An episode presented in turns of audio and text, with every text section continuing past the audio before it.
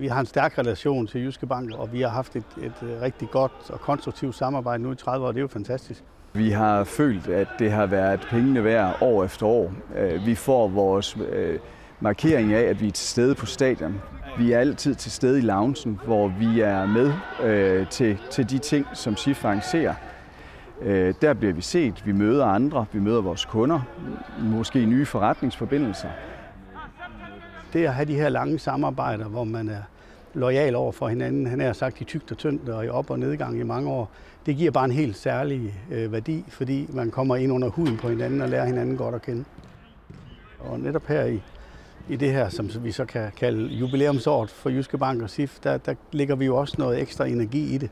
Så jeg, jeg synes faktisk, at vi hele tiden har forsøgt at finde øh, nye vinkler. Som udgangspunkt skal man jo ikke gå i øh, pres, hvis man, hvis man kan se, at han bare lige kan tappe den derind på første touch. I år har vi prøvet noget, noget nyt, og det gør vi den 3. oktober, hvor øh, FC Nordsjælland kommer på besøg.